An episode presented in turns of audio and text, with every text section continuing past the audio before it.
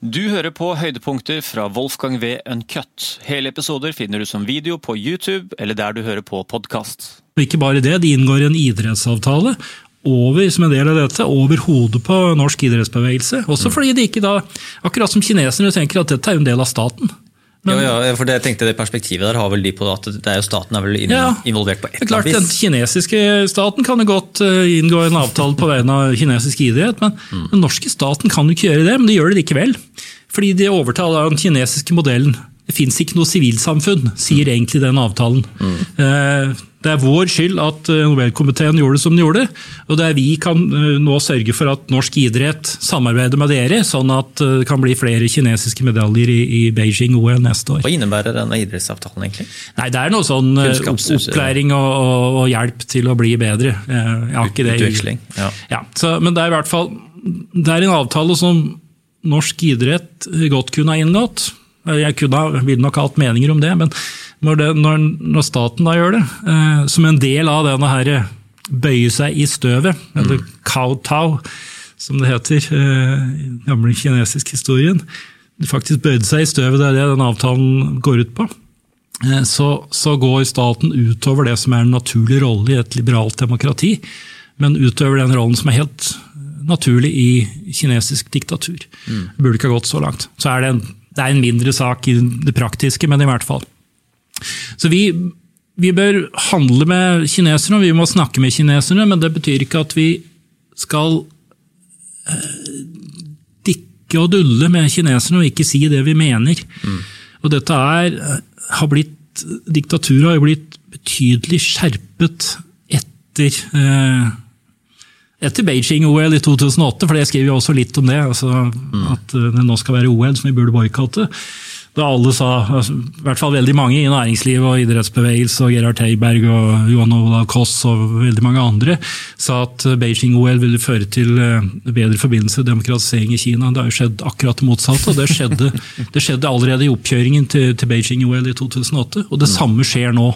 Eh, at det strammes inn, sånn at nå er det universitetene har hatt en viss frihet. Nå er det kameraer som, eh, som teiper forelesningene dine. Mm. Så, så, og pressens frihet har blitt betydelig Aldri vært stor, men også mye mer overvåkning av sosiale medier. Og så har du jo selvsagt altså Hongkong, som nå er i praksis her erobret og svelget. Og et mm. brudd på den avtalen som ble inngått da, da Hongkong gikk tilbake til Kina. Så du har fått et et langt mer altså Regimet er betydelig verre. Eh, og vi bør ikke gi dem prestisje. Vi bør ikke godkjenne dette og si at sånn er det nå i Kina. Eh, for sånn bør det ikke være. Mm. Men det betyr ikke at vi skal slutte å handle med dem eller altså fryse dem helt ut. De er en viktig eh, makt som vi må forholde oss til, det er riktig, men, men på vestlige, altså på, på demokratiske, liberale premisser. Men det der med boikott av Beijing-OL neste år, da. Eh, for de dere som hører på den her i 2022, så blir det da samme år. Eh, Magnus Carlsen var jo her, stilte han samme spørsmål. Da var det snakk om både fotball-VM og OL og mm. i en, en, og samme sekk. Men um, han var sånn prinsipielt sånn at han ville bare hø høre fra utøverne, ikke liksom fra, fra toppnivåene. Hvordan hva, hva tenker du? Altså, det er jo altså, Jeg skjønner jo at en, en, utøver selv ser på dette først og fremst som en sportsbegivenhet. Men det gjør ikke eh, autoritære regimer. Dette er en voldsom prestisjesak eh, for dem. Det var Xi Jinping var hovedansvarlig for gjennomføringen av Beijing-OL i 2008. Eh, og når det gikk såpass bra, både politisk og, og teknisk, så styrket det hans posisjon i Kina. Nå er det det samme. Han skal gjenvelges i 2022. Han får maksimalt én blank stemme, men likevel så er det da, er det da dette er også et, et nytt prestisjeprosjekt. Eh, det handler om, om, Kinas eh, plass i verden. Eh, det er det, den prestisjen jeg ikke vil gi dem. og Det er et politisk spørsmål som omfatter langt flere enn utøverne. Ehm, så det må, det må, behandles på politisk nivå, men eh, så er det ingen grunn til å tro at det blir en boikott. Det det kan bli, er en eh, diplomatisk boikott. Nå er det sånn at vanlige tilskuere får ikke reise pga. covid. Mm. Men, men eh, hm, representantene for folk flest, eh, norske kulturministeren f.eks., er jo invitert. Men har foreløpig ikke sagt om hun kommer til å dra, og det kommer litt an på hva andre gjør. Jeg mm. mener at det er, det er, det minste vi kan forlange, at det sitter ikke en norsk kulturminister på, på tribunen i Beijing og vifter med noe flagg eh, under det regimet. Eh, så, for det er, og det kan hende at det blir utfallet. Eh, USA kommer til å gjøre det ganske sikkert. Mm. Få følge av britene, og så får vi se. Eh, nå er jo ikke britene noen stor vintersportsnasjon, det er Norge. Derfor så har det til en viss betydning hva, hva, Norge gjør i denne saken. Det er noe som er veldig populært for tida, og det er å dobbeltbooke seg selv i kalenderen. Så hvis kulturministeren er litt lur nå, så, så, er det jo uh, veldig enkelt å få seg en sånn såkalt skruball og si oi, faen, jeg har jo, jeg jo forplikta meg til en sånn konferanse i på andre siden av planeten. Så det er ja, mange triks for å slippe unna det. hvis man er i sånn Jeg tror ikke du slipper unna det, fordi altså, hvis det bare hadde vært Norge, så kunne du men, men hvis det nå blir sånn at USA går foran her, mm. så må du eh, ta standpunkt eh, åpnere enn det. Og Da får vi nå se hva, hva denne regjeringen gjør. Mm. Eh, den forrige regjeringen var feig overfor Kina, og den regjeringen før der de, de prøvde å kapitulere, men fikk det ikke helt til. Dvs. Si at eh, Jens Stoltenberg satte foten ned da da Barth Eide og Jonas Gahr Støre var i ferd med å kapitulere. Eh, men, men, det er klart, eh, Norge er et lite land i verden, eh, så jeg forventer ikke at Norge skal gå foran her. Men jeg, jeg forventer at Norge kan være med, i hvert fall, dersom mm. noen går for en sånn halvveis boikott, altså den diplomatiske boikotten, som er et signal, samtidig som, som de beholder den store prestisjen.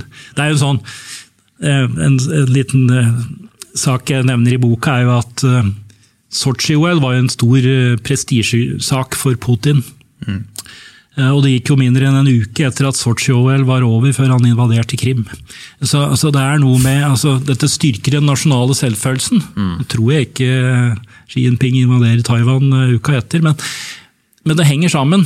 Disse regimene er veldig opptatt av eh, respekt og prestisje, og det får de også mm. via store idrettsarrangementer. Det er ikke bare sport. Men tenk det, med det også Karlsen kanskje sikta litt til, at eh, om ikke på organisasjon eller politisk eh, nivå, så er det sånn, kan man ikke også forvente fra utøvere at man, at man ser flere utøvere som faktisk uttaler seg om disse tingene og tar aktive valg om de vil være med på en, en sportsfest i, eh, i de typer landene hvor det er veldig omdiskutert om vi i det hele tatt skal stille opp. Altså, for det er ingen utøvere som gjør det. det er akkurat sånn Eh, de har jo ytringsfrihet og de har jo mulighet. Ja, jeg, Men kanskje ikke de har kunnskapsnivå? Det er jo et annet spørsmål.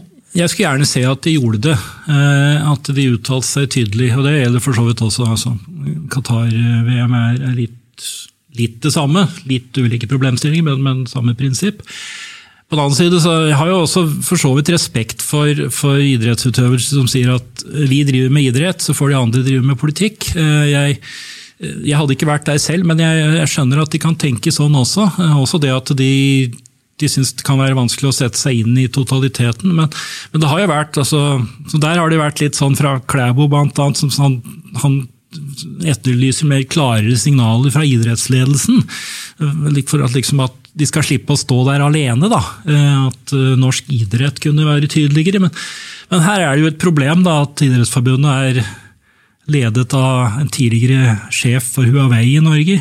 Som jo skaper litt sånn eh, problemer. Sånn.